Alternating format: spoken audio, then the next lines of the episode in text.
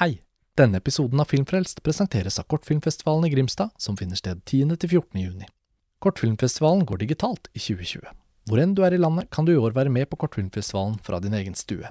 Og for bare 200 kroner får du oppleve et fullspekket program, inkludert nye filmer fra kjente regissører som Jorgos Lantimos og Jonathan Glazer, og kortfilmer valgt ut av kuratorer fra Sundance og Toronto. I tillegg til et mangfold av livearrangementer, brennaktuelle debatter, virtuelle mesterklasser og fagseminarer.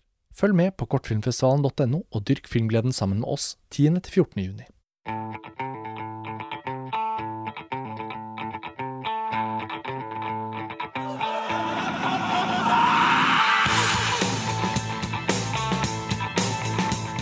Hei og velkommen til den tiende podkasten fra Montasj sin alternative Cannes-festival.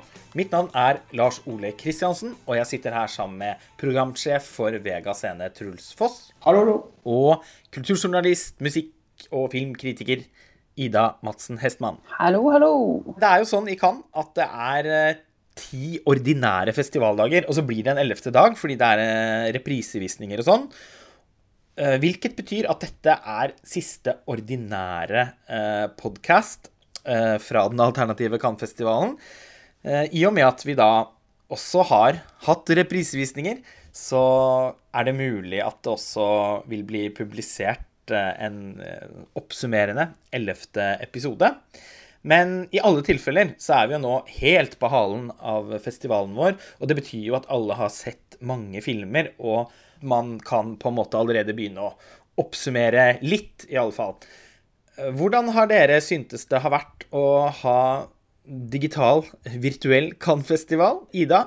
Jo, det har vært veldig koselig, vil jeg si, først og fremst. Eh, fordi man eh, Det blir jo noe annet enn det å sitte og velge fra en sånn Netflix-meny, der man gjerne kan velge mellom sånn Tiger King og andre hva skal man si, populære serier og filmer. Så blir det liksom Jeg vet ikke. En ting er jo at man vet at det er filmer som har vært ja, kritikerrost og litt spesielle og med tydelig sånn eh, kunstnerisk eh, preg. Sånn at, jeg vet ikke, Det er jo noe med en forventning til filmen også, da, må jeg si. eh, men også det å vite at flere ser på eh, i samme periode. Ja. Det syns jeg har vært interessant. Også, kanskje også fordi vi har vært flere som har hatt en pågående chat. Festivalprat. Ja. Ja, altså vi har jo da hatt en Messenger-tråd. Alle bidragsyterne i montasje som har deltatt på festivalen, har også deltatt i en eh, Messenger-tråd eh, hvor vi løpende har eh, rapportert om filmene vi har sett, og også diskutert til tidvis med høy temperatur. Ja. ja, det var da jeg fant ut at det, nå skal jeg trekke meg litt tilbake, for nå ser jeg at jeg har skrevet litt for lang melding her. I nattens mulm og mørke. Så at jeg er veldig overengasjert i dette temaet. Og så, ja, nei. Det er jo en annen, en annen form for diskusjon nå, ikke sant? som ikke er rundt bord etter film og over noen glass. Vi er jo vant til å sitte på rundt eh, bordene med noen glass vin og sånn eh, på kveldene, ikke sant? I, i i Cannes, og nettopp diskutere det vi har sett, og oppleve å være uenige og sånn. Og eh, det er jo noe vi tross alt da etter beste evne har forsøkt eh, å gjenskape med den virtuelle festivalen, i alle fall eh, internt. Truls, hva med deg? Hvordan har eh, du opplevd Alternativ Cannes? Det var liksom egentlig veldig underlig, for jeg kom tilbake i arbeid igjen 40% når Alternativet kan starta. Ja. Så det var jo eh, dårlig timing, for jeg gleda meg til å egentlig bare bunkre meg inne i stua, som jeg har kalt for Lumière, eller soverommet, som jeg har kalt for Debussy. De to liksom hovedsalene jeg kan. Og bare se kjempemasse film. Men det har, det har vært en veldig bra sånn kveldsaktivitet, og jeg har elska det som har vært i tråden i denne Messenger-tråden, som har skapt en faktisk en underlig nok fornemmelse av å være til stede på en eller annen rar måte. Iallfall fellesskapet man føler på der nede. Ja, det, det har vært en slags festivalfølelse. Ja, det har vært en slags festivalfølelse, og en veldig følelse av et sånn et kan-samhold, skal jeg kalle det. Og fått sett liksom Fått sett 17 film, 16 eller 17 filmer og ja, kost meg. Sett både ting som jeg har vært imponert over, og ting som jeg syns har vært helt grusomme. Det er jo veldig autentisk, da. At man må ta det gode med det onde Ja. eh, når man er på festival. På ingen måte sånn at alt er bra. Litt i filmene man tenker sånn OK, den filmen eh, den vant Gullpalmen tilbake i liksom 57 eller 73, og så ser man det og så tenker man OK, men hvorfor det? det og så blir man provosert da, i stua, på samme måte man blir provosert nede i Cannes. Ja, vi kan jo begynne da eh, med en Grand Prix-vinner som jeg vet at dere to har sett, nemlig Alan Parkers Birdie fra 1984. Hvordan eh, vil dere introdusere den filmen? Hva handler den om? Først og fremst veldig eh, 80-tallspreg. Eh, Det må jeg bare si. Og den kom ut da to år før jeg er født. Men den handler jo om to venner spilt av Matthew Modine som Birdie, og så er det Nicholas Cage. Vi følger dem gjennom en rekke tilbakeblikk som skal fortelle om eh, hva skal man si, forholdet de to har eh, hatt. da, eh, Både gjennom oppveksten og også denne fascinasjonen som Birdie har hatt for fugler. For det eh, Noen av grunnene til at vi har disse tilbakeblikkene, er fordi Birdie har jo begynt å lide av dype traumer etter krigsopplevelsene som han har hatt da, etter at han har vært i Vietnam og tjenestegjort der. Og så, eh, ja, hva skal man si? eh, Det er eh, ups and downs. Men da kan man egentlig si Ja. at det er, det er på en måte en skildring av et vennskap før og etter Vietnamkrigen mellom to stykker, og hvordan, ja hvordan Vietnamkrigen har påvirka dem. Og på liksom ulik måte. Og man skjønner jo etter hvert at altså, Eller Nicholas Cage har- har jo også slitt. Uh, har jo sine issues. Jeg syns det var Jeg tenkte at å, hvorfor har ikke jeg egentlig hørt om den filmen før? Eller jeg har vel sikkert hørt om det, men det har vel aldri vært noe sånn Å, den må jeg se. En ting jeg syns er interessant her, er jo hvordan eh, Og som jeg også tenker er veldig aktuelt i dag, eh, like mye som da den kom ut, eller kanskje mer i dag, er jo altså hvordan han Birdie har blitt sett på og blitt fortalt av for, særlig moren sin også, at herregud, du må slutte å være så opptatt av disse fuglene dine. Dere samler på fugler de finner, og eh, prøve å finne på måter å fly på og sånne ting. da. For litt, vi bare illustrere hvor besatt han er på disse fuglene. Han ender opp med å kjøpe mange sånne gulmeiser eller dompapper eller noe Ja. sånt, og plassere de under køyesenga si i et bur. Han bor med de hjemme hos foreldrene sine. Ja. Men samtidig så syns jeg det er en måte å si at ja, men, eh, han må hvis han da har holdt si Aspergers eh, eller altså er ekstremt opptatt av en ting, skal ikke folk kunne kanskje få leve av en sånn eh, sterk interesse også? Så det var en sånn, sånne type spørsmål, tenkte jeg. Den tar jo opp dette med mangfold, da, og ikke bare at alle skal være normale. Eller hva er normal? Det er vel en scene der hvor faren prøver å veldig snilt på en snill måte fortelle han at eh, altså for å, du må jo klare å få deg en jobb, ikke sant? Ikke alltid følg drømmen, er vel litt av det faren prøver å si. Eh, Gård er jo gjennomgående gjennom filmen, eh, tenker jo jeg, at han er veldig rar. I, altså, I utgangspunktet. Men hva er rar, og kan, ikke, kan ikke han få lov å være sånn? Eh, om man da finner en jobb da, som fuglepasser, eller hva det er. Men det, det var jo egentlig det jeg hang meg mest opp i. Alle disse tilbakeblikkene eh, og den reisen det er. Mens han da egentlig hele tiden er på dette. Eh, altså lagt inn, da. Og eh, Nicolas Cage prøver febrilsk å hjelpe ham til å komme til seg selv. For det er det som kommer litt sånn tydelig du får, Det er jo mye tilbakeblikk. Nicholas Cage kommer liksom Eller først så er det Du starter med Nicholas Cage. Du ser han som i på en måte uniformen fra militæret. Og så handler det om tilbakeblikkene fra når de ble venner, og hvordan det utvikla seg. De ble jo venner også med en setting med noen duer, hvor han Birdie går med noen sånn bur. Men duer. Ja. Og så, etter Vietnamkrigen så har han da blitt sånn blitt en due. Han sitter inne på en cella si i fosterstilling og responderer ikke til menneskelig kontakt. Og ja, eh, for meg, jeg synes jo, bare si det rett ut, jeg syns det var en skuffelse. Jeg så akkurat Fame for litt siden, som oh, ja. jeg syns er en kjempebra film. Ja, den er ordentlig bra. Det er nok kanskje Alan Parkers beste film når alt kommer til alt. Ja, det, det vil jeg tro. Det, her, fordi alt, det er tydelig at han er et håndverker, da, fordi både musikk, foto liksom det filmspråklige henger jo sammen. Filmen er jo også virkelig en sviske uten like, fordi Det er det der sitatet som blir sagt i Tropic Thunder, 'Never go full retard'. Og filmen dyrker liksom den lidelsesreisen på slutten så intenst. Og, og det kulminerer jo i en veldig voldsom scene hvor Nicholas Cage driver og skriker i en sånn telenoveleaktig setting sånn It is you! It is really you! Mens Birdie ligger fortsatt i fosterstilling i armene hans. og vet, Han har jo ikke kommet til seg sjæl i det hele tatt. En veldig insisterende film, syns jeg. jeg synes, Om det er en film om Asperger, så syns jeg den var veldig lite nyansert. Eller, ja, men da vil jeg ha en liten innvending eh, altså sånn på, med, med det jeg hang meg som sagt litt opp i. da, Det der med at han må få være litt rar. Eh, For da husker jeg særlig en scene hvor de to møter eh, to jenter på sånn tivoli, eller hva det var. Der slår det meg at fordi Nicholas Cage skal jo liksom være så normal der. Not, liksom. Not Men han han, ligger er jo kjempedrøy. ja, men ikke sant, det er. Han ligger jo og har sex med en, hun andre dama, åpenlyst foran Birdie og hun andre dama som på en måte Nicholas Cage vil, og hun også vil, altså de skal hooke opp, da. Men det, Birdie er jo ikke interessert i det. Han sitter og spiser popkorn. Men da jeg tenker, han jo, har jo en mye mer høflig og altså, normal oppførsel der enn det Nicholas Cage har, som, som ligger der og puler hun dama altså rett ut foran dem under en sånn Ja. bro, bro. da. Så jeg bare, jeg bare syns at innimellom så føler jeg at den på en måte kommenterer litt sånn Egentlig så prøver man å si å Birdie, du må være som alle andre. Du må jo, Hvorfor vil, er du ikke interessert i damer når du er i denne alderen? Ikke sant? Du må vokse opp, du er barn i hodet ditt. Men så tenker jeg samtidig at er det ikke også noe man prøver å si her nå, eh, om at er han, hvem er han i denne situasjonen? Det er jo ikke i alle situasjoner han oppfører seg på en måte mest hva sier man, annerledes, da.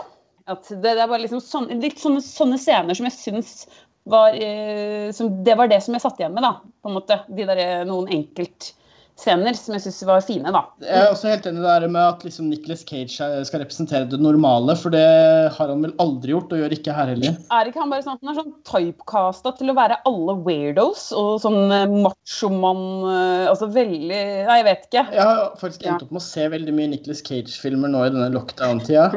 Eh, absurd nok med Moonstruck og Colors Out of Space og egentlig ganske Nå husker jeg ikke alle.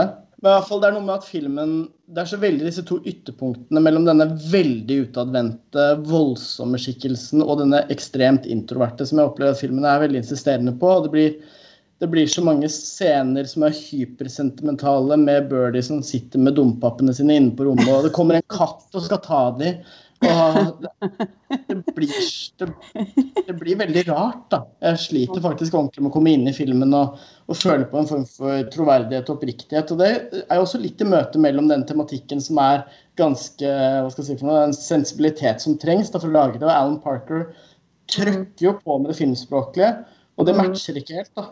Det er litt det jeg tenker også generelt, med at jeg syns det er vanskelig å sette poengscore eller karakterscore på filmene vi har sett.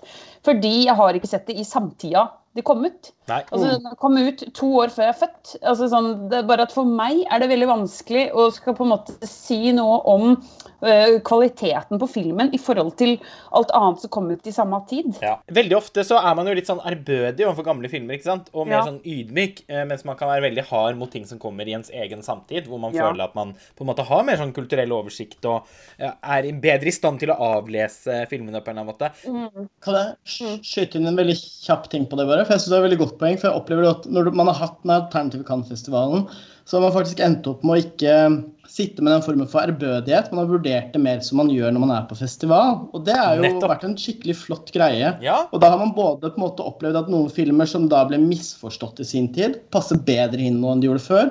Og folk som da, eller filmer da som ble tatt imot kjempegodt, har liksom ikke tålt tidens tann. At man får virkelig det perspektivet på det. Ja, for jeg føler jo det at liksom At nå har, man, har vi jo på en måte latet som om vi er på festival, og at alle filmene eh, Altså, vi har jo ikke vært historieløse eh, når vi har sett dem, men at man på en eller annen måte har forsøkt da å ta de imot mm. på samme måte som man tar imot nye filmer. Selv om, ja, Det er jeg imot, egentlig. da. Eh, Jeg tenker jo kontekst er så viktig. at uh, altså, Nettopp det historiske. Og samtidig Selvfølgelig. Det er, er, eh, ja, det er ikke noe tvil om at det er det, men nettopp umulig. Derfor er det sånn ja. Ja, jeg kan si hva jeg, hva jeg hang meg mest opp i, på en måte, og hva jeg likte. Og, så, og hva jeg kan tenke at oi, dette var bra for å kanskje vært laget i den tida, f.eks. Eh, rent teknisk, eller, altså, eller hvis det kommer til ting som er litt sånn Oi, dette har vi ikke sett så mye av i, i, altså, i nåtid. Altså, og for, hva som er, jeg tenker kan være forut for sin tid, da. Eh, sånne ting. Eh, men ja, eh, altså, med det sagt så er jeg jo eh, også enig i mye av det ja, Truls sier om Birdie. At, eh, at det er på en måte nettopp det der som også Lars Ole påpeker. Det er lett å liksom tenke å, dette er skikkelig bra for å være fra 80-tallet. Eller uh, ja. at- Det ble laget helt enormt mye bra film på 80-tallet. Så jeg tenker at den listen der, eh, den lista er veldig uh, høy. Det høres jo bare egentlig ut som den kanskje ja, til dels er datert som et portrett av psykisk sykdom, og at den på en eller annen måte bare ikke funker. Eh, det er i hvert fall det inntrykket jeg får av å høre dere snakke om filmen. Vi må videre. Ja. Eh, det har vært ganske mange ornitologiske filmer eh, på programmet. Vi har 'Tranene flyr', 'Ravnene', 'Birdie', og på en måte da også Jerry Chatsbergs 'Scarecrow'. Sk- Fugleskremselet. Filmen som skremmer bort de ornitologiske filmene. Eh, fra, som vant Gullpalmen i 1973. Men det er jo da eh, ikke helt riktig, for sånn Al Pacino forklarer det, så er jo fugleskremselet til for å få kråkene til å begynne å le. Og derfor anerkjenner de bonden, og så flyr de videre til et annet sted for å herje. Ok. Ja, jeg har jo da ikke sett filmen, men det vet jeg at dere har. Og Ja. jeg har også fått inntrykk av at dere ikke nødvendigvis er helt eh, enige om den. Ida, hva, Nei, eller. Jeg vet at du er veldig glad i road movies, og dette Ja. er vel en slags road movie? Ja, det er det. Jeg tror, altså, Speaking of eh, hva jeg kan på en måte være Altså like mer fra start, eller, eller hvis man bare nettopp bare bestemmer seg litt for ah, ja, men jeg liker jo eh, den typen film. eh, så, så er det lettere å på en måte Akkurat som jeg tenker at dette kommer til å like, og ha en sånn veldig positiv innstilling fra start. Men også kanskje når man vet hvem som spiller i filmen. Um, og Gene Hackman og Al Pacino som spiller som jeg er veldig glad i, eh, hver for seg og ja, sammen. Eh, de spiller eh, to sånne eks Er det ikke eks-convicts? Eh, de har vært i fengsel og møtes plutselig faktisk på veien. Eh, helt random, sånn jeg husker det. Eh, Ja, det stemmer. Og, ja, og finner sammen. og jeg tror det jeg liker med denne filmen, er at vi vet lite om begge to. Eh, og at det, det starter med at man har visse inntrykk av begge, og at eh, Gene Hackman er veldig den harde. Og Al Pacino er liksom den forsiktige, eller liksom Hvordan skal jeg si det? da? Eh, den vi vet minst om. Og så kanskje Du beskriver det veldig riktig ja, med de tusen personer. Altså, Vi følger jo dem på en slags vei eh, og tur eh, for å eh, i sitt mål om å starte dette, denne businessen. Men, men eh, vi lærer jo litt om begge underveis, og hvordan de funker sammen. Eh, og hvordan på en måte Al Pacino liksom redder situasjonen flere ganger ved å spille være dette scarecrow. Det er flere, jo, det er flere ting her som jeg tenker er forutsigbart. og så ble jeg litt overraska, rett og slett, eh, på flere, flere av de veiene eh, som filmen tar, da. Nei, jeg likte den. Og så bare syns det var gode karakterskildringer. Eh, mer enn på en måte jeg forventa. Akkurat som at det der spillet de to har seg imellom, da. Det er der man ser litt at uh, Å, disse to trenger jo hverandre. Altså, dette her var jo en film som var tungt anerkjent i sin samtid, men som mer eller mindre er glemt. Og du syns ikke det smakte så veldig, Truls? Nei, jeg gjorde ikke det. jeg syns liksom Det skal det sies at jeg liker jo ett album av Bruce Springsteen. Og det er på en måte bare blitt med det. Eh, og det her er jo på en eller annen måte en av de Bruce Springsteen-albumene jeg ikke liker. Eh, det er liksom indre USA, det er en uh, historie om to menn som kommer ut fra fengsel. Og det kobles opp mot kjempemasse sentimentalt. Uh, og så syns jeg den jeg synes den blir altfor uh, lettvint i sympatistrukturen og hvordan den jobber da. Jeg synes, Nei, Jeg syns jo ikke den er så sentimental, jeg, da. Jeg, jeg, det er liksom først mot slutten jeg syns den er litt sånn. Ja, jeg synes den ble ganske sentimental. Den der bromansen klarte jeg ikke helt å kjøpe. Det ble veldig sånn Jeg syns karakteren, spesielt til Gene Hackman, det ble så veldig mye med at han var så badass og tøff, men også litt vanlig. Og så hadde han alle disse damene som han drev og møtte på, tok for seg i livet. Og det, jeg, jeg syns ja, Jo, det òg. Jeg syns den er veldig morsom også. Ja, for jeg fant den ikke morsom i det hele tatt. vet du. Jeg syns ikke det var gøy på noe tidspunkt. Jeg, jeg satt bare Vi med skulle sett den sammen. Vi skulle sett den sammen. Jeg hadde Ja. sittet og ledd alene. Nei, men Jeg, jeg, jeg syns bare filmen har liksom påtatt alvor. Jeg synes, det er ikke noe realness inne i bildet. Det er veldig sånn Men, Jeg syns, ikke filmen klarer å skjære igjennom med noe fornemmelse av noe originalt eller noe råskap, da, som veldig mange av filmene den tida klarte. ja, det kan ikke vært at du tok tatt den for seriøst, da. Det kan være. Ja, Du sier han var ikke jeg synes den var så oversentimental og liksom ikke morsom i det hele tatt. Jeg synes jo jo- De rollene, de, de figurene de gjør, er jo kjempemorsomme. Jeg syns det er skikkelig godt spilt innimellom der. Hvor, eh, hvor jeg bare syns Al Pacino for eksempel, er skikkelig god på å gjøre det der, de dustete tinga sine. Og så bare tar jeg meg selv i å begynne å le. da, At det er liksom slapstick, rett og slett. Ja, nettopp. Det er akkurat det. Ja. Jeg syns Al Pacino er noe av det beste med filmen også. Jeg syns de slapstick-greiene blir litt sånn Det blir noe sånn sitcom-aktig over det også. Det, blir, det kunne vært en TV-serie. Ja, jeg liker sitcom, jeg. Ja. Altså, uansett tenker jeg den kan Altså, det som er snickers og twist, er jo at den umulig kan være like morsom som en film jeg og Truls har sett, som heter Cecil B. Demented. Eh, fra 2000, regissert av John Waters, som jo på en måte var litt sånn John Waters 8,5. altså, det er i alle fall en film om film, et slags terrorangrep på den glatte, studioproduserte publikumsfilmen. En, et, en krigserklæring mot Hollywood fra independent kunst- og festivalfilmen. Og alt framstår i grunnen litt sånn som de maxi-challengene i RuPaul's Drag Race. Og det er jo naturligvis et stort kompliment, da. Truls, hvordan vil du eh, presentere premisset for handlingen? Det er jo en helt eh, Det som må sies å bare være en helt syk person, som ser seg selv som en eh, kommende stor regissør som skal stå opp for kunstfilmen, som er da Cecile B. Demented, spilt av Steffen Doff, som kidnapper da en av de største stjernene i eh, Hollywood for å få henne med i sin film, hvor de da skal redde Arthouse-filmen fra de store kommersielle kjedene.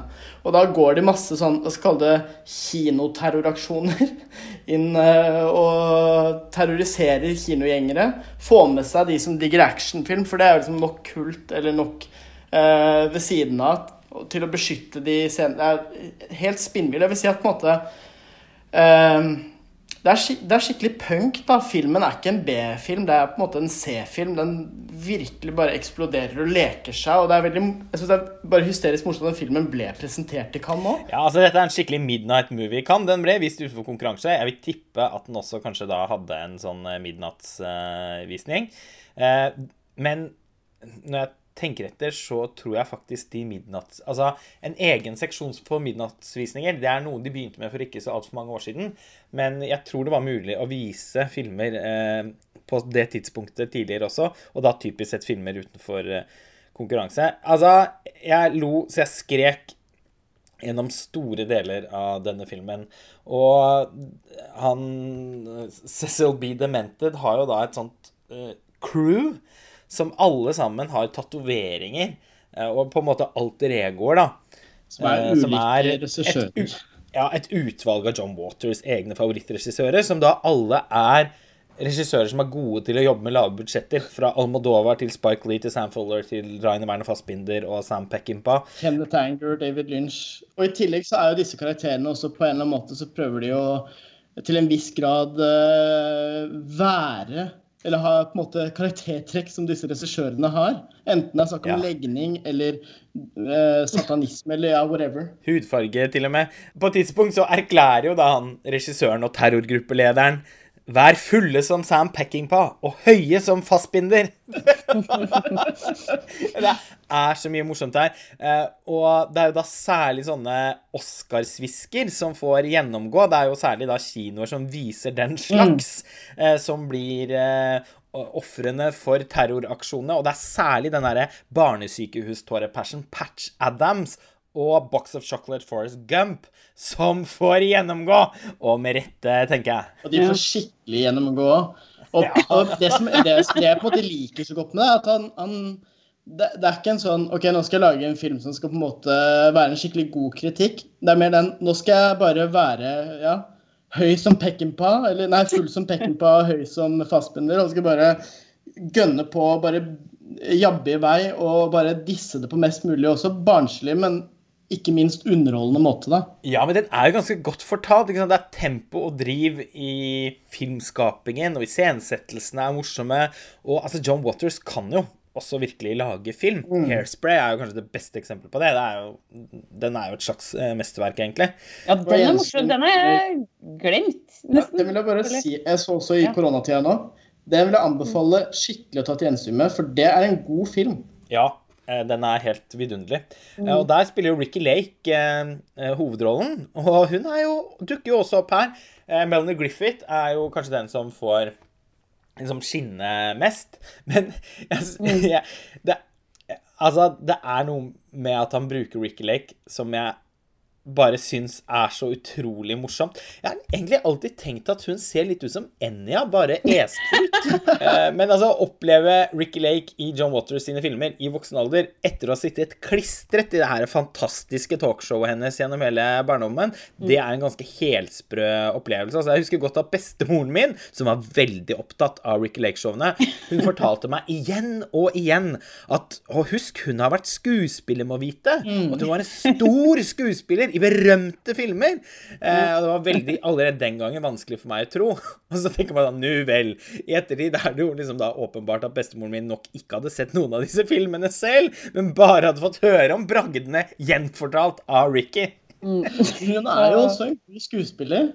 Det har vært to oppdagelser. liksom Cher og Ricky Lake. Det er to gode skuespillere. Altså, Jeg har ganske store problemer med at du setter de i samme båt, fordi Cher er jo faktisk en helt svimlende god skuespiller, som både har vunnet uh, Oscar og uh, pris i Cannes. Og to Golden Globes, tror jeg. Uh, det har vel ikke Ricky Lake. Men hun er kjempegod i Hairspray. Jeg er enig i det. Overraskende god. Og den bitte lille rollen her òg, kjempemorsom. Nå har jeg kun sett én film med Cher som jeg kan huske. Og du må se, du, jeg vet jo at du har sett Moonstruck, selvfølgelig, ja, som du nevnte i stad. Den er fantastisk, men du må også se Mask, da. Ja, det skal jeg gjøre. Men i hvert fall Av Peter Bogdanovich. Det må sies noe med casten. For det er sånn Maggie Gyllenhaal, Seven Dorff ja, Ricky Lake, Michael Shannon Det er liksom litt av en cast som utgjør Og veldig mange av de her utgjør jo denne banden med Arthouse-terrorister. Og så hver, hver, gang de skal ut på oppdrag, så kjører de med en ny bil ut av en sånn liksom brannstasjonaktig garasje. Som skjer flere ganger i løpet av filmen, og alltid står det noe nytt og morsomt på, på de ulike bilene. For ja, så er det noe så Ghostbusters-aktig over det. Nå skal du ut og gjøre et oppdrag, og nettopp i at bilene er veldig like, men det står forskjellige ting på dem. Ja, det, bilene var kanskje like. Ja. Jeg har så innmari lite peiling på biler. men de hadde i hvert fall ulik dekorasjon. Fantastisk eh, morsom eh, film. Og også ganske aktuell, tenker jeg, med tanke på hva man har sett eh, i amerikansk film de siste årene. At eh, de mektigste filmstudioene blir mer og mer kyniske, og at uh, den kunstnerisk ambisiøse filmen får, det, får, et vanskeligere og vanskeligere liv, da. Mm. Uh, jeg skjønner jo veldig godt at Cannes-festivalen valgte å vise denne, for å si det sånn, fordi den formidler jo egentlig Cannes sin filmpolitikk ja. på en egentlig skikkelig treffende Eh, men selvfølgelig også da veldig morsom måte. Jeg kan litt forestille meg, det her er bare sånn en tanke jeg gjorde da jeg så den, at John Waters har sett såpass mange potensielt gode prosjekter gå i vasken pga. nettopp de strukturene med studiosystem osv. videre. Uh, og egne prosjekter, sikkert også, men spår mest andre, siden han jobber jo innenfor et liksom B-filmsjikte. Men at det også da istedenfor å lage en hard kritikk, også ble heller et hardt fuck you, da. Ja. Jeg syns det er rart at denne filmen ikke er mer kjent. Ja, det, må jeg bare si. det er sånn, De største gledene ved å ha gjennomført uh, den alternative Cannes-festivalen har jo vært å, å oppdage uh, ting som burde hatt en mye tydeligere status. Ja. Mm. Uh, vi skal videre til en eh, film som heter Fruitwale Station fra 2013. Nemlig Ryan Coogler sin uh, debut. Du har ikke vært spesielt begeistret for de filmene han har laget etterpå, Ida. Det vet jeg. Nei, ja. uh, han har jo laget Creed 1 og 2 og Black uh, Panther. Ja. så jeg vet ikke ja, om, du, om, det gjorde noe med forventningene dine til Fruitwell Station, som var i Uncertain Regard da, i 2013? Det gjorde jo kanskje at jeg syns Fruitwell Station var eh, kanskje litt bedre enn jeg forventet. Og det er jo også det første samarbeidet han gjør med han her eh, Michael Bakari Jordan som, som skuespiller. Som har vært med i alle hans uh, filmer, uh, altså frem til og med Black Panther. Uh, nå har ikke jeg sett den andre Creed-filmen, men jeg har sett den første. Men jeg husker jo nesten ikke noe, så jeg tenker at det sier jo, sier jo sitt. Ja, Det var ikke mange autørtrekk å spore i den. Men det er, det er, jo kanskje litt mer her i Fruitway Station. Det er der Man skjønner jo hva som er på en måte hans mission, da, uh, Ryan Coogler. Altså dette med perspektiv, da, og hvem som forteller en historie, som han er opptatt av. og da er jo også hans debutfilm 'Fruitwale Station' eh, det beste eksempelet, og utrolig altså brennaktuelt. Alt som skjer i USA nå. Men denne filmen tar jo for seg egentlig det samme, som er grunnen til uh, alle opprørene nå. Hva handler den om?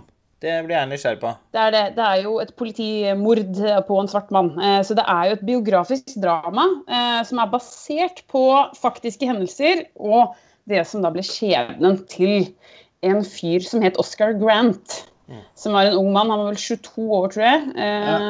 Ble drept av en politimann i, der i Oakland. Eh, og filmen da følger jo han, som da er eh, med Michael Bakari Jordan i hovedrollen da, som denne fyren. Noe av det er liksom som har gjort at jeg liksom opplever at han ikke er en filmskaper som snakker noe særlig til meg, er jo at jeg syns det visuelt har vært så uinspirert. Og ja. Eh, til og med når han har hatt egentlig muligheter til å gjøre visuelt inspirerte ting, f.eks. Altså, boksefilm er jo en gullgruve sånn sett. Jeg syns nesten alle evner å, å, å, gjøre det intenst og spennende på en eller annen måte. Mm. Se bare på Girlfighter Karen Kusama, som vi også eh, viste under den alternative kampfestivalen. Eh, og det gjorde han ikke. Altså, og bortsett fra noen kule kostymer i, i, Black Panther, så var det ganske uspennende visuelt. Sånn flatt, uh, industriaktig. Uh, noe John Waters uh, ville kritisert, jeg. Men også sånn der, det, det også har merka meg, eller syns er litt sånn irriterende med, med Kugler sine filmer, er jo det der at karakterene hans er så ensidige, da. Og kanskje Fruitwell Station er liksom litt bedre her i den skildringen av han Oscar Grant. Det kommer fram at han har sittet inne, og uh, moren, spilt av Octavia Spencer, driver og spør han hele tiden å, skal du kjøre, eller liksom tydeligvis stressa for bilkjøringen hans. da. Mm. Som at det, han er tydeligvis, det er jo kanskje fyllekjøring eller noe sånt han har satt innenfor. Og det at han vurderer jo egentlig å begynne å deale weed istedenfor når, han, når man det også er tydelig at han ikke Eh, altså Han har jo jobbet på en butikk før, men får ikke jobben tilbake. Det kommer jo litt fram mellom linjene at han har jo et aggresjonsproblem, eller sikkert litt sånn ADHD. eh, noe av det som sikkert har vært grunnen til at han har satt, eh, altså vært inne. da. Så er det sånn typisk at vi blir jo for glad i ham, da. ikke sant? Sånn at, altså, Jeg vet for lite om denne ekte Oscar Grant til å vite hvor eh, riktig riktig eh, gjengivelse det er. Og det er vel heller ikke målet. Men poenget mitt var at uh, dette er kanskje den rollen uh, som jeg ser i en Ryan Coogler-film hvor, uh, hvor, han er litt balansert. Da. Og han Michael Jordan fikk jo gode kritikker, han ble kritikerrost for den rollen her, da. En ting jeg tenkte på når jeg, når jeg så den, var at Og det er ikke på en måte noen sammenligning for øvrig utenom noen sånn konseptuelle rammer, og det er at minner litt om Oslo 31.8. Det er en person som er innom masse forskjellige relasjoner, enten det er venner Her er det også kjæreste, barn, familie. Alle disse menneskene. Det er noen valg som må tas, men her er på en måte konsekvensen påført da, av politivold og ikke på en selv.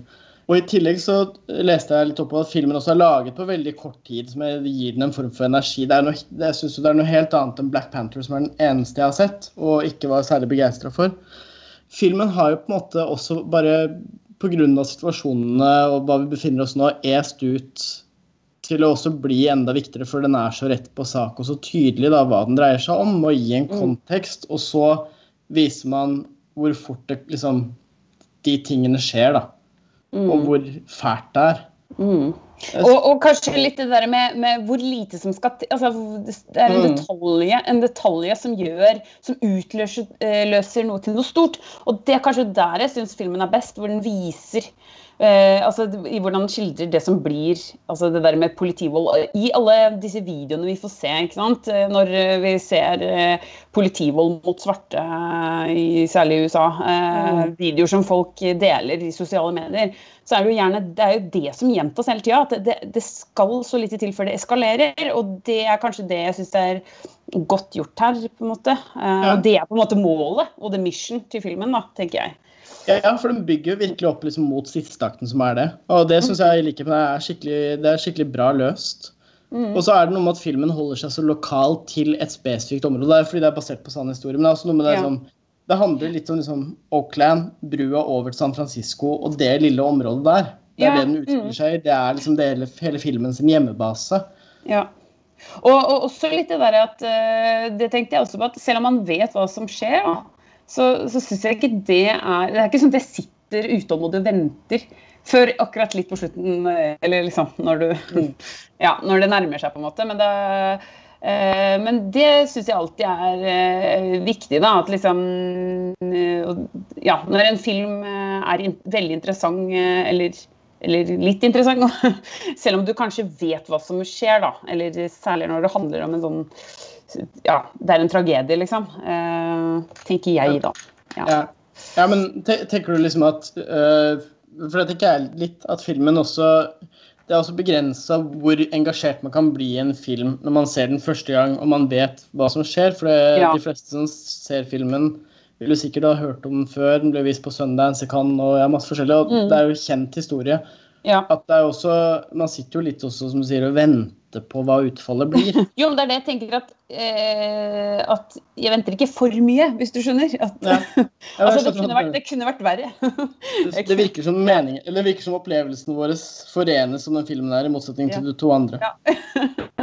Ja. Vi kan jo eh, flytte samtalen over til en eh, annen film det har vært eh, mange ulike meninger om, og som vi også har eh, touchet innom i en av de tidligere podkast-episodene, nemlig Southland Tales til Richard Kelly. Ja, altså Jeg har jo eh, allerede, for de som har eh, hørt på, på, på episodene, så har det jo framkommet at jeg da hadde et veldig bra gjensyn med den eh, filmen. Jeg vet at du forsøkte å se den, Ida, men Ja. ikke orket mer etter en halvtime eller noe sånt nå. Nei, det var ikke en halvtime, det var vel en time eller noe. OK, ja, ja filmen er også ganske lang. Den er jo Ja. To mm, timer og 25 minutter. Yes. Så jeg tror jeg så halve, i hvert fall. Men så skrudde jeg av. Og hvorfor skrudde du av? Fordi jeg tok meg selv og bare nå, nå har jeg falt ut for lengst, liksom. Jeg bryr meg ikke. Og det er jo veldig sånn jeg måler mitt engasjement til en film på. At uh, det er veldig viktig for meg at jeg må bry meg. Jeg må ha grunn til å bry meg litt om disse menneskene det handler om. ikke sant? Og det syns jeg er helt sjukt at uh, jeg ikke klarte å engasjere meg når nettopp det er Richard Kelly som har laget en av mine favorittfilmer, Donnie Darko. Og det er liksom Det er Sean William Scott, for faen. Eh, så bare Det skaper Det gir meg noe Et eller annet følelse, da. Og Sarah Michelle Gellar og The Rock. altså Dette er jo det tidlige 2000-tallet som du er så glad i. Ja, sånne, det og disse menneskene som jeg ja, er så glad i og eh, har sterke liksom, emosjoner knytta til, kan man si. Eh, og Justin Timberlake òg. Jeg, jeg er jo en av de som syns Justin Timberlake, undervurdert skuespiller. Jeg syns alt det han har gjort, har vært veldig bra. Mm, ja, han er bra, det er jeg enig i. Han er kanskje bedre skuespiller enn artist, egentlig. Ja, en multitalent. Jeg har jo sett ham både på scene og på film en rekke ganger. Men nei, det, jeg tror det var Jeg prøvde å tenke litt underveis. Hva er det som gjør at jeg ikke engasjeres her? Fordi jeg tenker at jeg burde likt det. Men én ting som slo meg, er at jeg tror eh, det handler litt om hvis du ikke klarer helt å bli fanga, og som i mitt tilfelle kanskje, var litt sliten, det var litt seint på dagen, og jeg, som i likhet med Truls, jobb, har jobbet hver dag under denne eh, alternative Cannes-festivalen. og så det er, det er jo et eller annet som gjør at hodet ditt er ikke alltid like mottagelig for ulik type informasjon Nei. til et visst tid på døgnet. Så jeg, jeg tror det sammenfaller litt med sånne ting. Og, og det at eh, Jeg syns det bare var litt mye som skjedde i starten. At jeg, akkurat som jeg falt litt av litt tidlig.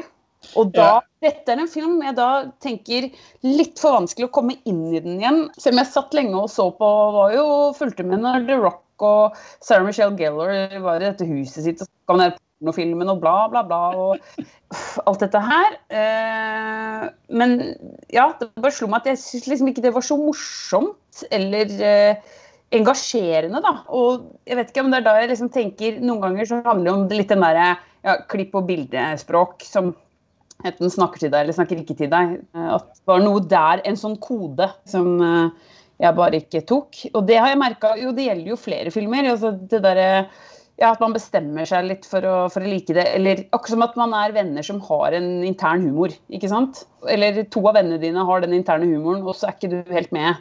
Og så tar det litt tid for deg å komme inn i den. Eh, eller akkurat som hvis du er på radiotjenesten. Hvis du er helt eh, ny statsborger og setter på radiotjenesten så, eh, og sier at du kan flytende norsk, men du skjønner ikke de kodene der. Litt sånn hadde jeg det med den filmen her. Men det er jo da, tror jeg, hadde jeg vært et annet humør. Og kanskje det var den første filmen jeg hadde sett den dagen. Det første jeg hadde gjort. Så kanskje det hadde vært noe helt annet. Eller om jeg hadde sett det kanskje med dere. eh, og dere hadde ledd av Ja, men ikke sant. Det, det er eh, det, Jeg satt i hvert fall og brukte mer tid på å tenke på det. på Fordi dette hadde dere hypa og eh, med den rollelista og litt sånn. Og Richard Kelly, som Ja. Fortjente så innmari mye bedre enn det han fikk av eh, eh, respons og på en måte ryggdekning. Truls, Ja. du lot deg overbevise. Ja, apropos det Ida nevner med sånne interne ting. Jeg var liksom Ha-ha, det er gøy å like den filmen. Og så så jeg den. Og det ble en virkelig oppriktig kjærlighet. da Jeg syns at filmen er skikkelig god. Det er veldig mye kaos og rot, og det er litt sånn et prosjekt hvor det er tydelig at Richard Kelly føler seg fram på sine hva er det for noe, 17 millioner dollar sånn han har laget filmen på. Men jeg, forventa litt å tenke at den var morsommere når jeg så den, men jeg syns faktisk filmen endte opp med å bli en ganske presis profeti på det moderne samfunn, og en veldig poetisk film over moderne popkultur. Og en ganske avantgarde take på det hele. Det er virkelig en eksperimentell film. Hvis du tenker at liksom nå, vi, vi sitter jo veldig ofte og applauderer disse gamle franske filmskaperne for å strekke filmmediet til nye høyder osv. Og, så og her tar han jo da populærkulturen, også trash-kulturen. Han tar alt inn i sin kvern og kverner det om til det jeg vil si faktisk er en ganske eksperimentell Hollywood-film. da. Sånn sjeldent jeg, tror, jeg kan liksom ikke komme på noen Hollywood-film jeg har sett som virkelig prøver noe nytt på den type måte, som er så usafe, da, når jeg likevel går all in. Både syns jeg er morsomt, syns det er både veldig poetisk og ganske gripende. Jeg syns alt i alt at han har laget det jeg vil si er en veldig unik film. Og ganske annet enn noe annet jeg har sett i hele mitt liv. Ja, for det, altså, Med humoren så tenker jeg at det er veldig mye som er karikert. Nesten sånn Felini-aktig. Helt enig. Jeg, jeg tenkte faktisk mye på disse, disse liksom corny scenene fra gatene i Amarcord. Hvor liksom, du har Ja. mannen som kommer inn på byggeplassen Eller hun prostituerte inn på byggeplassen i Amarcord, da, som spør om hvor pusekatten hennes er. og Det er jo tydelig det er liksom, det er liksom plump, overkarikert, tett humor. Eller når voiceoveren i Feline sin film står i gata og prater, og så kommer promp fra gata, og han blir forstyrra av promp. Liksom kjempeteit. Ja. Sånne helt Ja.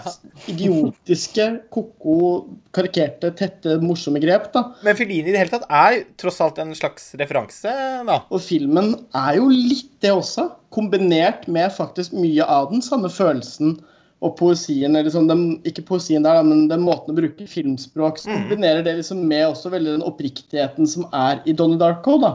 Jeg syns at det å kunne kombinere de to form for følelser eller uh, intensjoner med en film i seg selv er veldig originalt. Men jeg tror det var det jeg bare Altså for meg som er uh, kanskje en typisk person som er blitt sånn eh, blasert av sånne, sånne uttrykk som er poppa fulle av informasjon, da. Så er det liksom Det her er for dårlig i forhold til det jeg ser i dag, da, som er på en måte så proppa full av ja, uh, mye informasjon og, og popkultur, ikke sant. At jeg tror det noe av det jeg savner her, og heller vil, altså det jeg tror ville gjort at det fenga meg med, var altså at jeg merker at det er, det er noe som står på spill i, i bildet og i altså, med karakterene fra start. At jeg må ta det litt på alvor først. Ja, men... Ja, altså, det går ikke. Til og med Charlie Chaplin er jo, det er jo dønn alvor i bånn. Jeg, jeg, føler jo ikke det, da. Jeg syns virkelig at alvoret i filmen også kom utover. Det, var, uh, det er på et tidspunkt hvor det kommer en Pixies-låt, 'Wave of Mutilation', som blir spilt. og jeg føler at Det er et ganske tydelig toneskifte i filmen. Ja, altså er det jo ikke en karakterdrevet film. Altså, det er jo en film som handler mer om totalbildet enn nærbildet. Mm. Og eh, jeg syns han har skapt en estetikk der som er veldig fascinerende, da.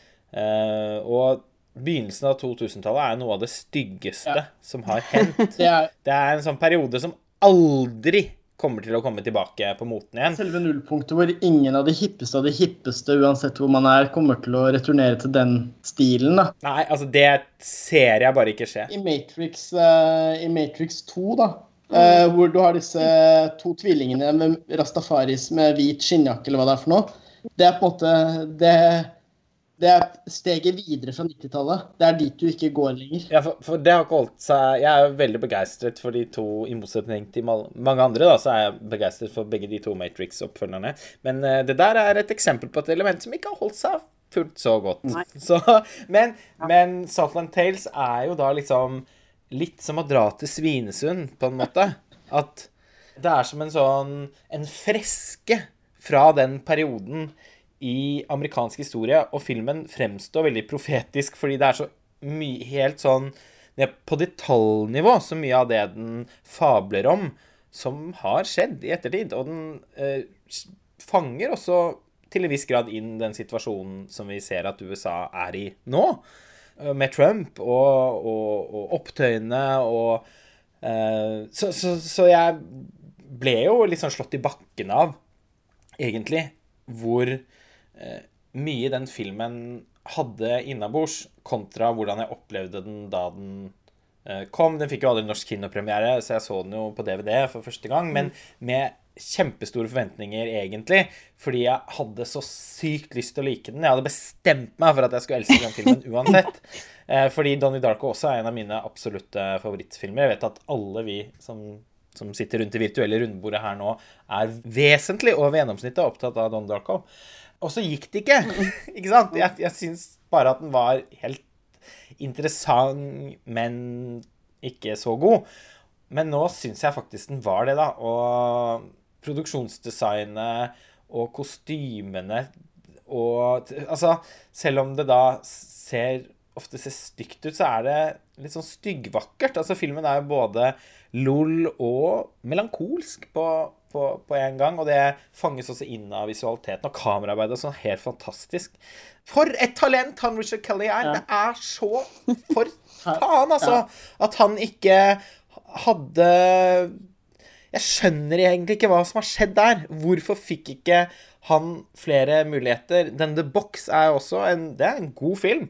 Eh, som var laget på et kjempelite budsjett. Eh, og som nesten ingen har sett. Men det er ikke noe galt med den. Og jeg kan ikke skjønne heller at den kostet så mye at folk aldri At, at det var sto, mektige eh, folk som mistet penger på det. Og det samme gjelder Southland Tales. Det jo innmari lavt budsjett. Eh, den tjente sikkert også inn veldig lite penger, men jeg vil tro at den har sopt inn en del på video i alle årene som har gått. Ja, med kulten rundt Donnie Darko også har den jo sikkert trukket inn. Som også tross alt gjorde at han fikk muligheten til å lage noe så underlig og så kompromissløst som uh, Southland Tales.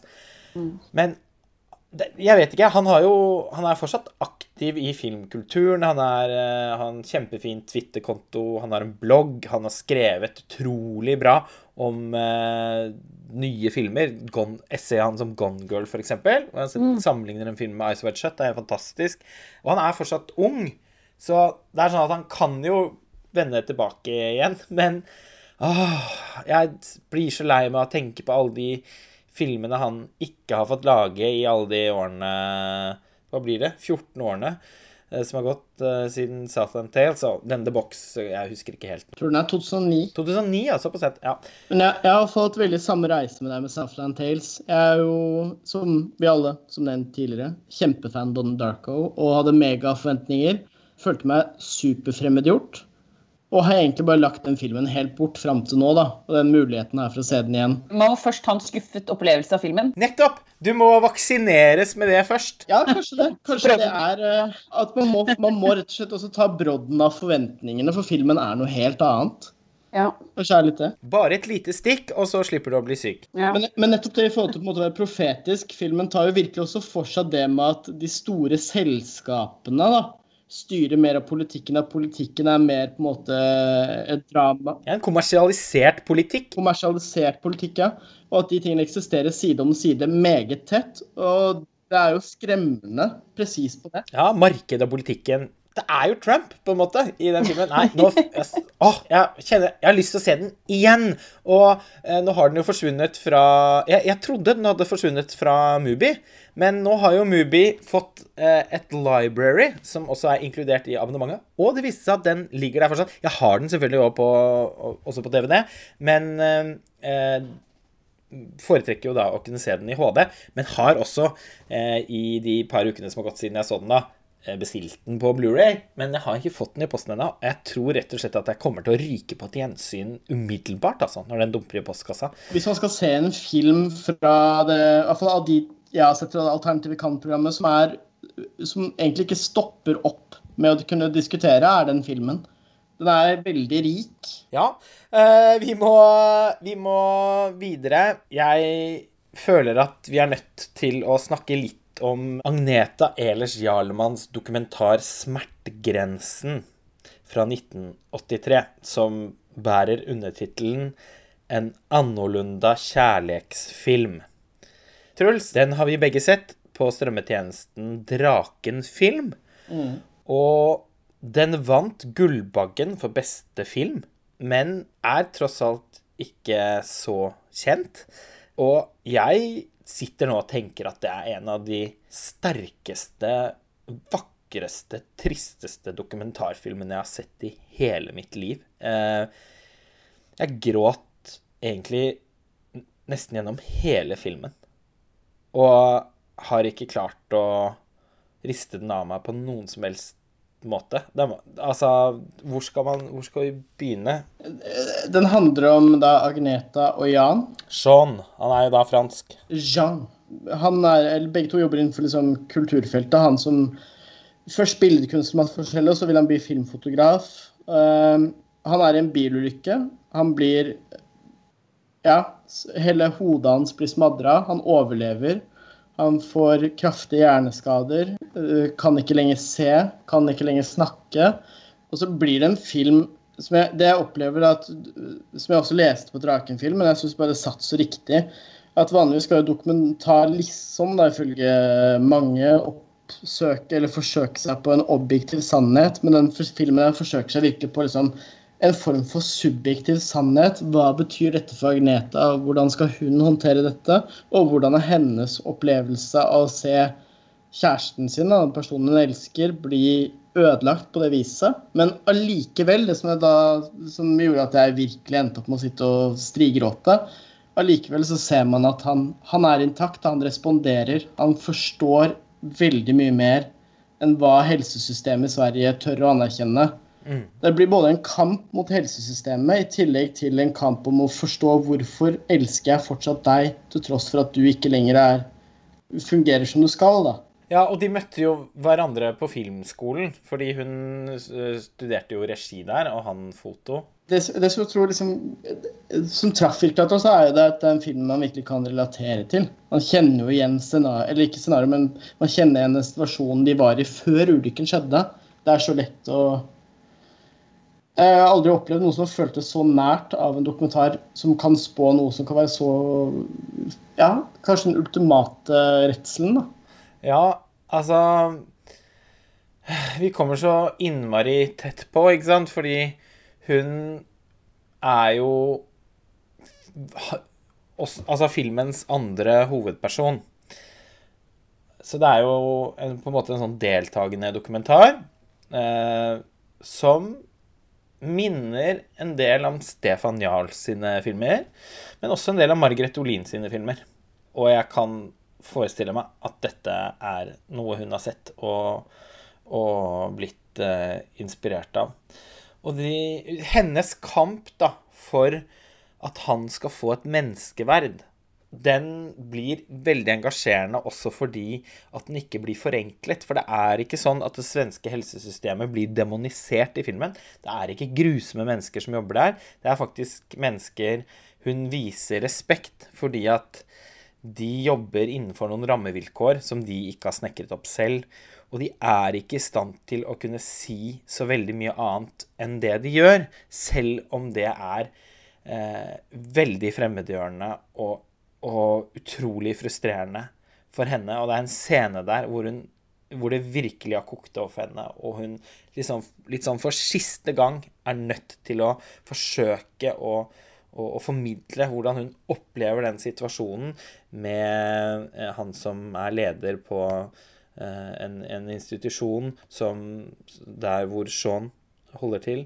Og, og, det er bare så vondt å se hvordan hun innser at hennes liv på en måte er, i hvert fall inntil videre, er like ødelagt som hans. Fordi hun klarer ikke å komme videre før hun vet at noen andre kan ta vare på han. Og familien hans har jo sviktet ham fullstendig. Og hun elsker han jo fortsatt. Hun merker det jo. Hun elsker fortsatt utseendet hans. Altså, hun er fortsatt tiltrukket av han. Hun vet hva slags fantastisk person som, som en gang fantes der, og som kanskje kan vende tilbake. Og etter hvert så skjønner vi jo, som du var inne på, Truls, at han får med seg mye, mye mer enn eh, det man kanskje først får inntrykk av. Mot slutten av filmen hvor han mm. eh, skriver om Jean-Luc Godard og sånn, da gikk det helt rundt for meg. Ja, og det er en så utfattelig gripende scene. Jeg synes at oh. eh, en, en, en, ting som også må nevnes, er jo nettopp dette med Margaret Olin og Stefan Jarl, at filmen er ganske tydelig formspråk og tar tydelig grep. og er liksom veldig, det er, det er noe veldig befriende med å se en dokumentar som er så tydelig hva den vil fortelle. Mm. Jeg syns det er veldig stort av en filmskaper som lager noe så personlig, også stiller spørsmål rundt sin ambivalens liksom underveis i film. Nå tenker man, Når man filmer det, så er det én ting, men når man sitter i klipperommet etterpå og skulle tørre å innrømme at man har følelsen av at hvordan skal jeg løse dette, skal jeg bare gå ifra han, eller skal jeg være der til jeg finner en løsning? Den stiller så mange utrolig mm. vanskelige problemstillinger som, som, er mer føles ganske real, da, hvis man befinner seg i en sånn situasjon. Men den, så resulterer jo filmen i liksom nettopp i det at han står i et rom og skriver og tegner om Jean-Luc Godard, om hvordan film han vil lage, om henne, om kjærlighet. Som er bare så eksplosivt vakkert og fint. Og det Ja. Blir rørt bare av å tenke på det. og og filmen er så innmari vakker òg. Altså, den er så sinnssykt fint fotografert. Og det er så bra musikk. Og den, er, den tør jo også bruke filmspråklige virkemidler for å forsterke historien sin, akkurat sånn ja. som Stefan Jahn Virkelig. Og så er den også Den er ikke redd for å gå inn på det som er, som er et veldig fint element i filmen òg, at den går inn på det kroppslige med de to. Den er veldig tett på kroppene deres. Du får se kroppene deres, du får være med dem, du får oppleve dem som mennesker veldig sånn nært av kjøtt og blod. Som gir en ekstra tilleggsdimensjon, syns jeg. Denne filmen fortjener jo virkelig mer oppmerksomhet, tenker jeg. Selv om den vant Gullbaggen for beste film og sånn, så uh, er det ikke mitt inntrykk av at den er, at den er posisjonert uh, som en av Altså et av nøkkelverkene mm. i svensk filmhistorie. Og det burde den være, for dette her er et mesterverk, og uh, kanskje egentlig min gullpalme, altså. Den konkurrerte vel å merke i Kritikeruken, men eh, det er nok den eneste filmen jeg har sett eh, ved siden av Fedora og Gabbe av Mohsen Makhmalbaf som, eh, som jeg kunne tildelt selveste gullpalmen, hvis vi ser bort fra de forskjellige konkurransene og bare slår alt sammen. Men som sagt, det kan det hende at vi kommer tilbake til i en senere podkast. Du har sett en film jeg lenge har vært veldig nysgjerrig på, Ida, eh, men fortsatt ikke sett, da, som heter Den røde skilpadden. En animasjonsfilm. Og den er eh, Hvordan skal jeg si det? Det er nesten litt vanskelig å beskrive den, fordi den er jo uten dialog. eh, Og veldig sånn poetisk. Og så er det liksom vanskelig å fortelle hva den handler om uten å spoile noe. Jeg er liksom så opptatt av å ikke Nei, men du trenger ikke å være så redd for det. Altså, i, hvis du nå på en måte advarer lytterne om Ja, det kommer- at, Ja, at det kan bli noen spoilere, så kan de som velger å slå av, slå av. Ja, fordi dette er jo også litt i likhet egentlig med det, det som eh, var plottet i Scarecrow. Så, så syns jeg jo den, den bare blir liksom enda finere eh, når jeg på en måte skjønner slutten. Um, og dette er jo en sånn samarbeidsfilm med uh, Wild Bunch og Studio Ghibli, som er kjent for utrolig vakre animasjonsfilmer. Jeg tror aldri jeg har sett en eneste animasjonsfilm av særlig Studio Ghibli som, som ikke har rørt Ja, som ikke har rørt meg og gitt meg gåsehud og fascinasjon og liksom hvor jeg blir helt sånn fanget, da. Eh, og, ja, og så tenker jeg igjen, jeg må si at det, og det er vanskeligere igjen, i hvert fall for meg, å se en film, selv når den er uten tale og eh, gjerne også animasjon, og jeg skal se den på TV-en hjemme. og eh, ja, og det er så mye annet som kan forstyrre rundt. Eh, men det her, den her virkelig tok meg. Jeg fikk helt tårer i øya. Eh, og det, det er jo veldig vakkert sånn eh, filmmusikk til det. Jeg driver og lurer på om det egentlig er musikk hele tida, jeg. Det er jo liksom en eneste stor, lang eh, Nesten litt sånn Ja, for det er ikke noe dialog. Nei, eh, og det, det er som om det er en sånn derre Ikke gåte, men eh, fabel. Her er det jo et dyr som blir til et menneske. Eh, Det er en mann som, s- som ja, eh, strander på Nødøy etter at eh, skipet hans har eh, forlist. Eh, Og så er han da her alene på den øde øy. Her er det liksom ingenting. Og så, så handler han jo om ensomhet. Eh, han finner denne røde skilpadden som kommer i land, eh, og så slår han vel, eller skader den. Og så eh, etter hvert så, så finner han ut at den er død, og da er han litt lei seg. Og, men så deler han seg i to, og der er det en eh, dame, en kvinnemenneske, eh, inni skilpadden. Eh, og det er, så, sånn som jeg forklarer det nå, det er bare så dølt i forhold til hvordan dette vises. da. Det er jo så poetisk og vakkert og eh, på alle måter veldig sånn fascinerende, hvert eneste bilde, syns jeg. Det er bare veldig sånn vet ikke, På en måte er det det visuelle veldig slående, og så er det mm, eh, etter hvert også trist, da. Eh, er sånn, eh, Akkurat som det går litt sånn opp for deg på slutten. Å ja, var det dette det var hele tida? Det her er litt sånn film jeg ikke har så lyst egentlig til å fortelle, fortelle om, men at man heller Ja, du, det er den derre du må se den for å liksom skjønne opplevelsen av det, da. Eh, Ja.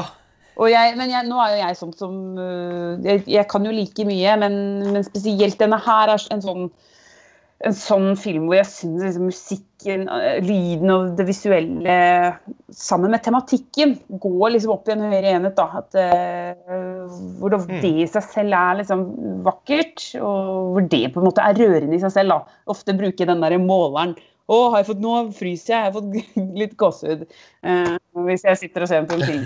Så den, Um, og så var den jo Ja. ikke så lang heller, 80 minutter eller noe sånt. Dette selger du skikkelig inn. Ja, jeg fikk veldig, veldig lyst til å prioritere den. Ja, jeg har den på Blu-ray liggende her. Ja.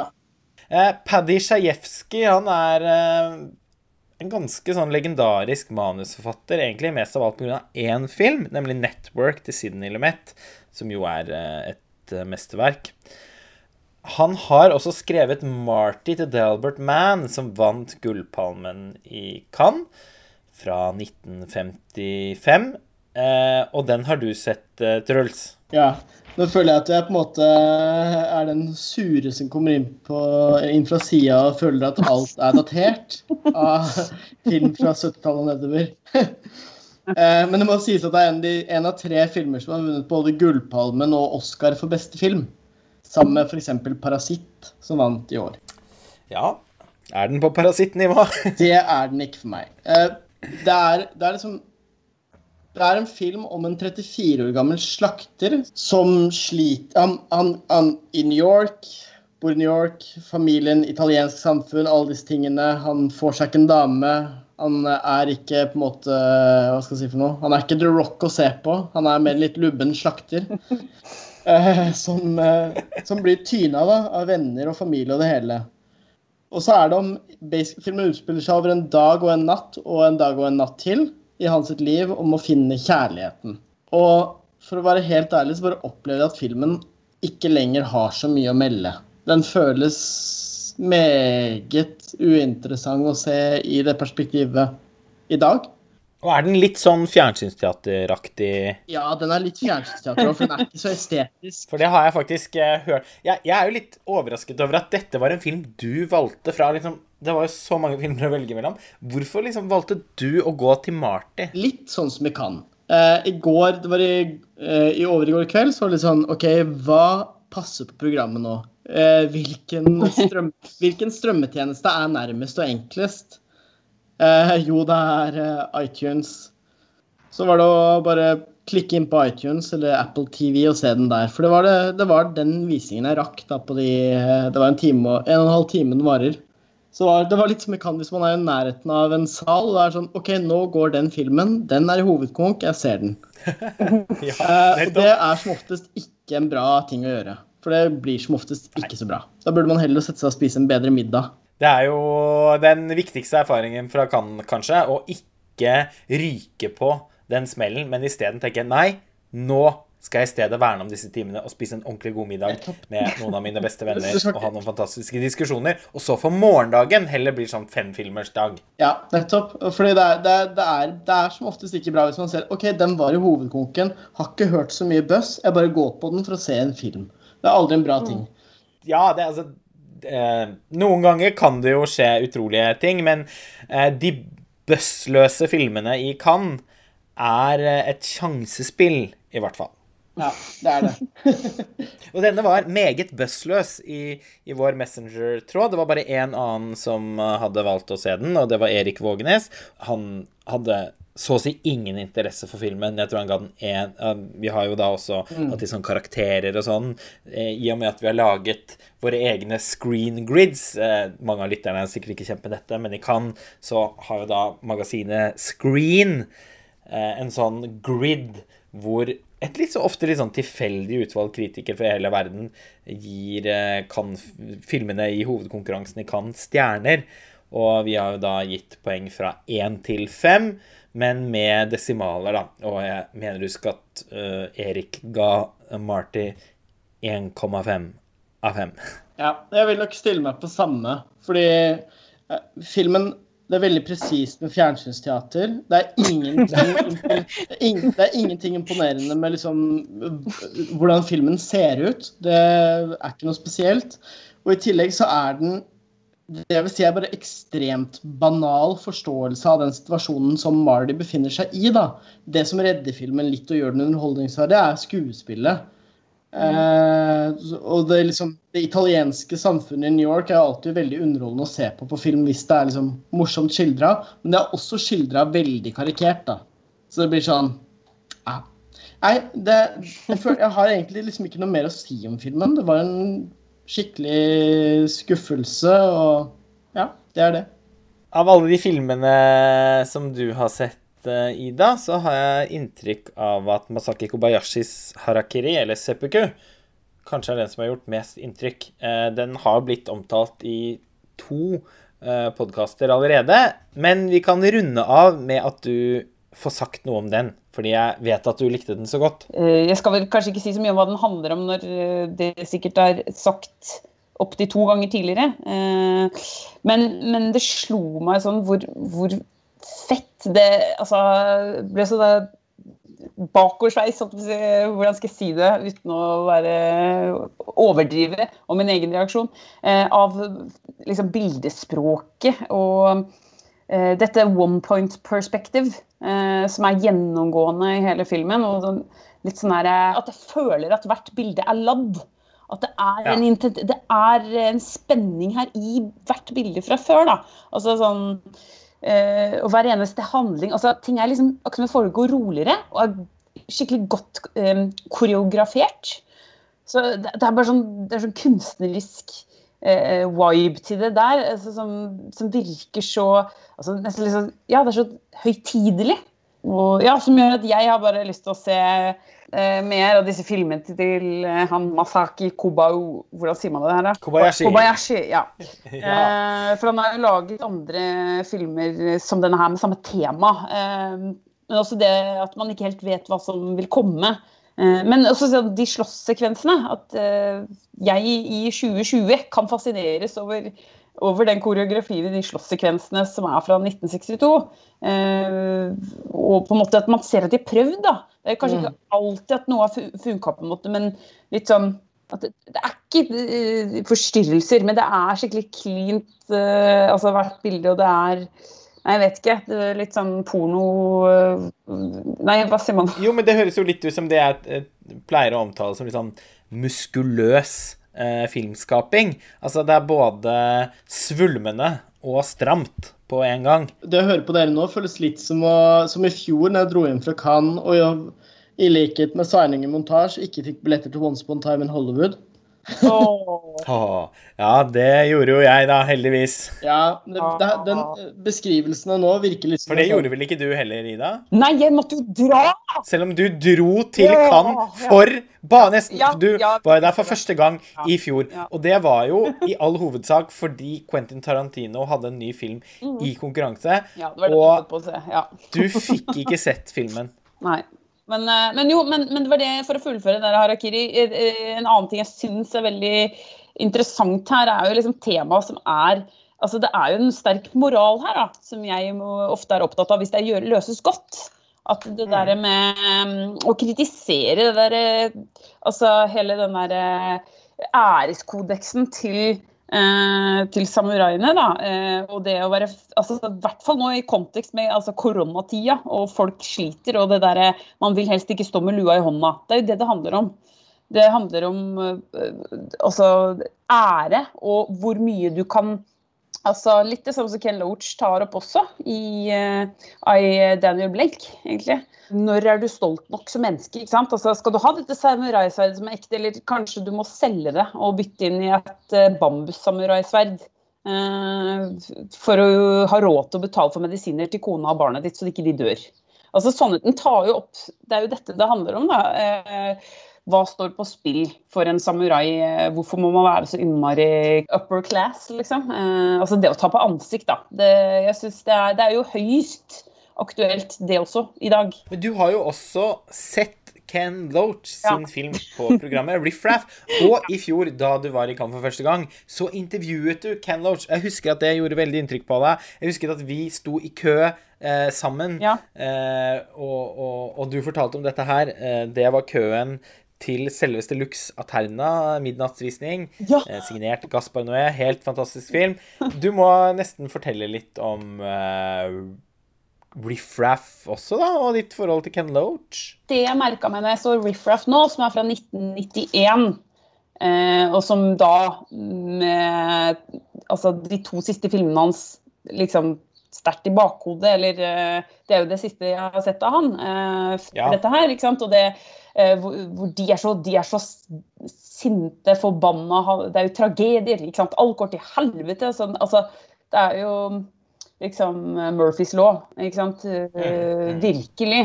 Eh, mens, eh, og det er så stort alvorspreg over det. Eh, så syns jeg jo Riff Raff er på en måte ta på mye av den samme typiske Ken Loach-tematikken, eh, med sånn naturalistisk portrett av eh, det moderne England. Eh, tar litt, litt lettere form, form og estetikk, kanskje. Selv om det er jo alvorlige saker som skjer her òg.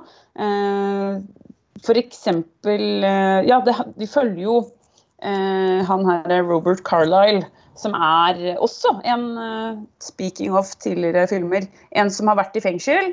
eh, kommer ut og begynner å jobbe som eh, bygningsarbeider. Så skal eh, han og byggecrewet gjøre om et falleferdig sykehus til luksusleiligheter. Og så møter han eh, jo eh, en kvinne som heter Susan, som, er, som beskriver seg som eh, Hun beskriver seg vel som artist.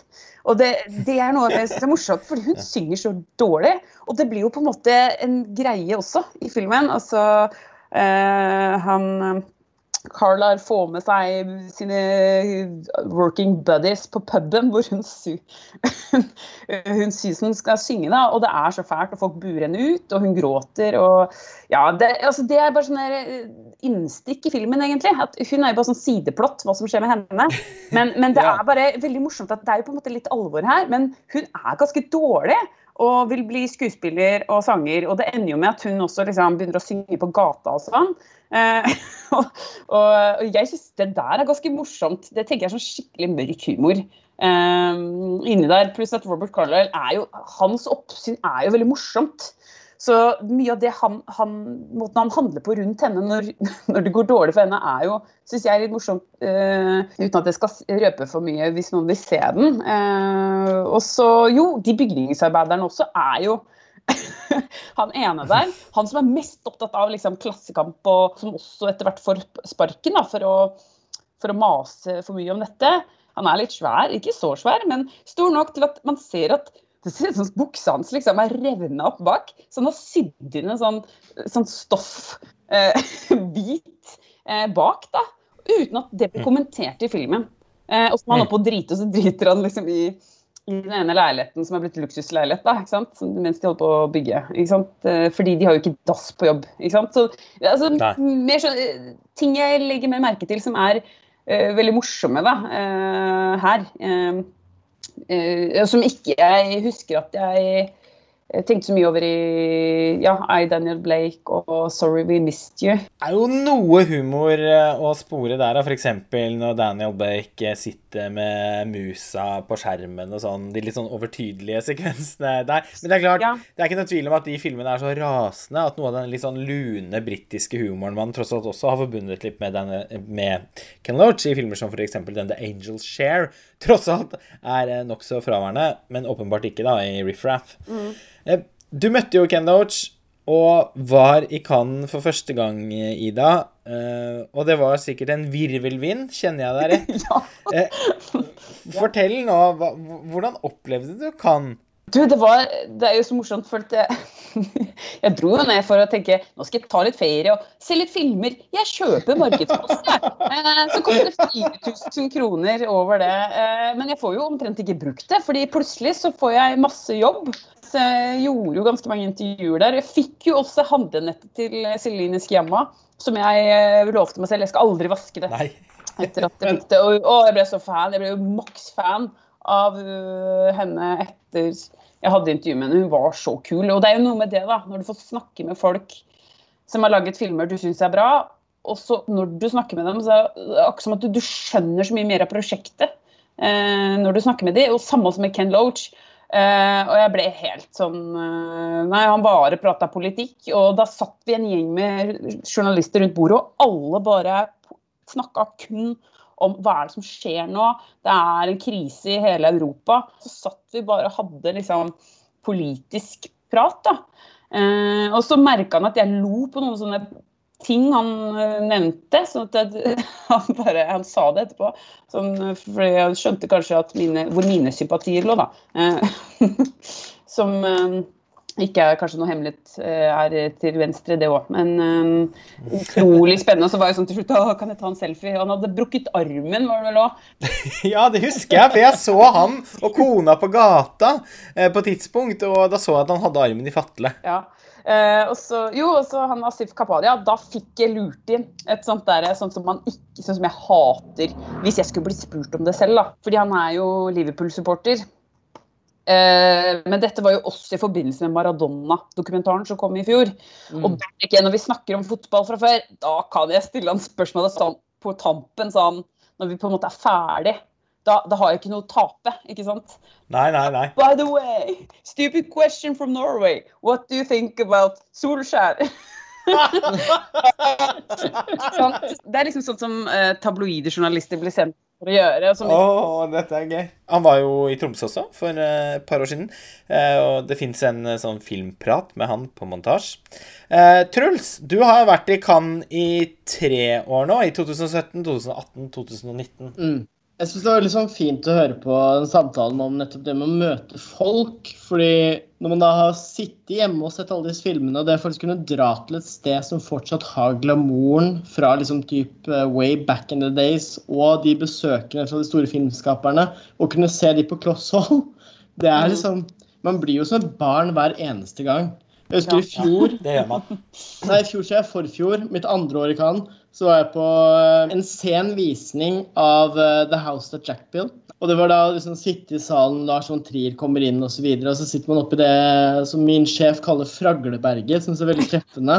Som er liksom bakdelen bakdelen Lumière, hvor man som oftest evnes på gallavisning, da. Eh, Men det å gå ut etterpå, og så kommer Gaspar Noé spradende ut etter visningen Og det ble jo på en måte mitt Gaspar Noé-år i Cannes, for da fikk jeg også fordi eh, Wildburn, som distribuerte Climax, hadde rota til og trodde at jeg spurte om billetter til etterfesten. Men jeg spurte jo egentlig om billetter til en eh, markedsvisning.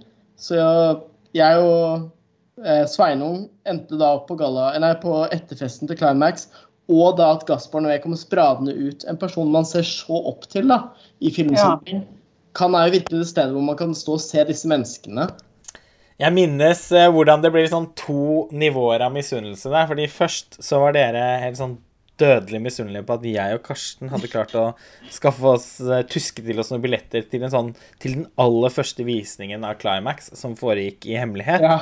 Eh, men så trumfet du Høyre da med, med denne spektakulære premierefesten, og så kunne Ja. eh, jeg heldigvis trumfe enda høyere igjen. et- et års tid senere, eh, hvor jeg basically ja, fikk tilbrakt veldig mye tid med Gaspar. Men det, men det er akkurat de tingene som er verdt å nevne i en kan-setting, da, fordi det er disse etterfestene, det er disse på en måte møtene som er liksom helt unikt for den festivalen. Så når man da snakker om å digitalisere festivaler og alt mulig sånn Og det, det går ikke bare på at nerder skal få møte de personene man elsker, men den formen for nærhet og tilknytning til områdene og alle disse tingene er liksom så unikt, da. med Cannes-festivalen. Men de har sluttet med en ting som jeg er Altså Som jeg er innmari frustrert over. Og det var første året hvor dette ikke liksom skjedde eh, i fjor.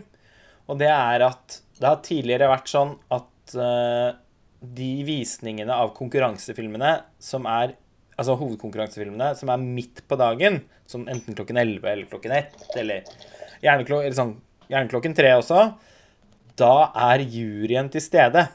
De filmene ser ikke de på sine egne visninger. Og det er ofte mange man ser opp til, som sitter i Cannes-juryen.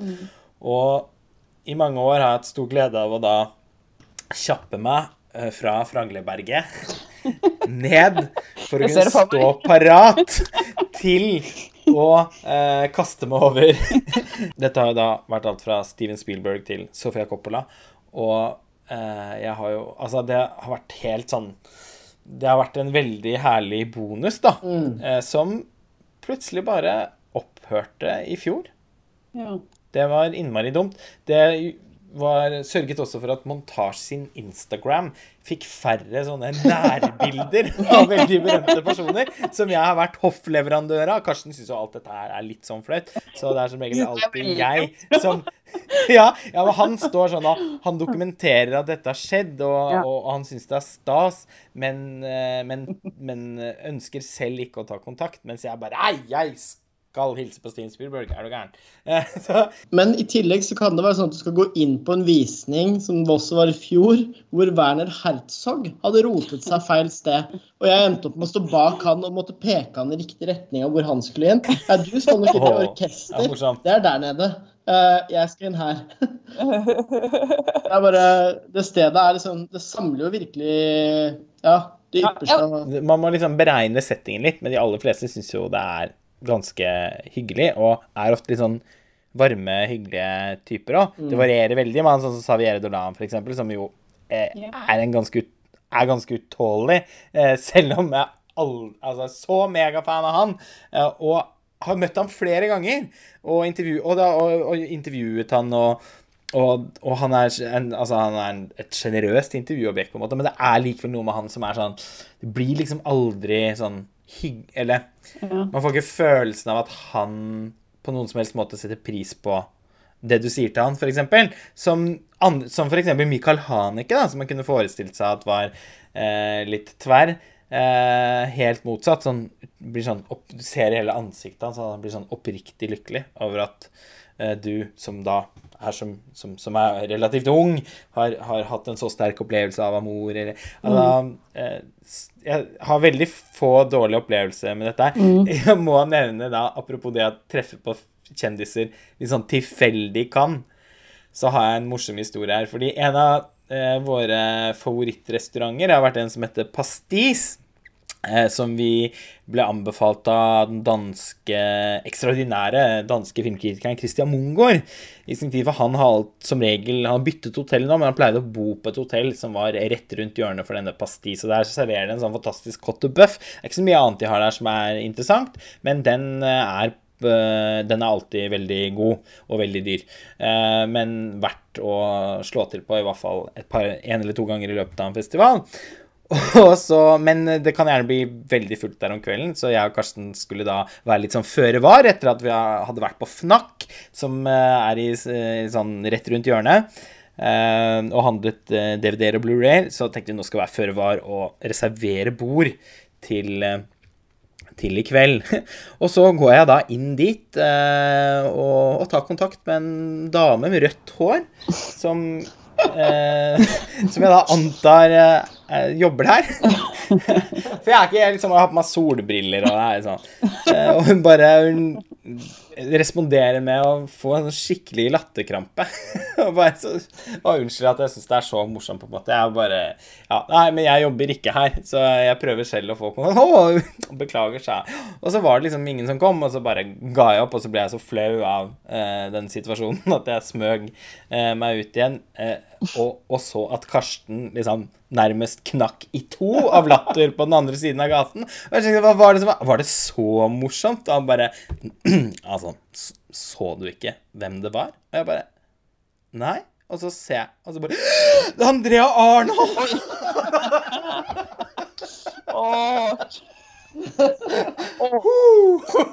Heldigvis var dette før American Honey.